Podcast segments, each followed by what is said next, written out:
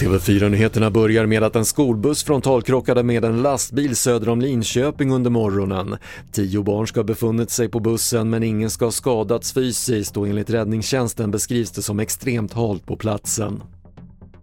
Det förändrade omvärldsläget påverkar även Sveriges inre säkerhet och vi kan förvänta oss att ryska säkerhetshotande aktiviteter med bland annat riktade cyberattacker kommer att öka.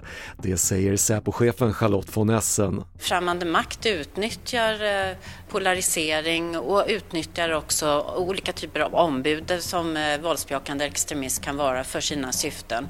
Och här ser vi att eh, vi behöver vara beredda på att också Ryssland kommer göra det. Och idag hålls omhäktningsförhandlingarna för de två kvinnor som misstänks för mordet på 21-åriga Tove i Vetlanda i oktober. Båda nekar till brott men en av dem väntas idag ange en ny inställning till misstankarna enligt hennes advokat. Fler nyheter på TV4.se. Jag heter Patrik Lindström.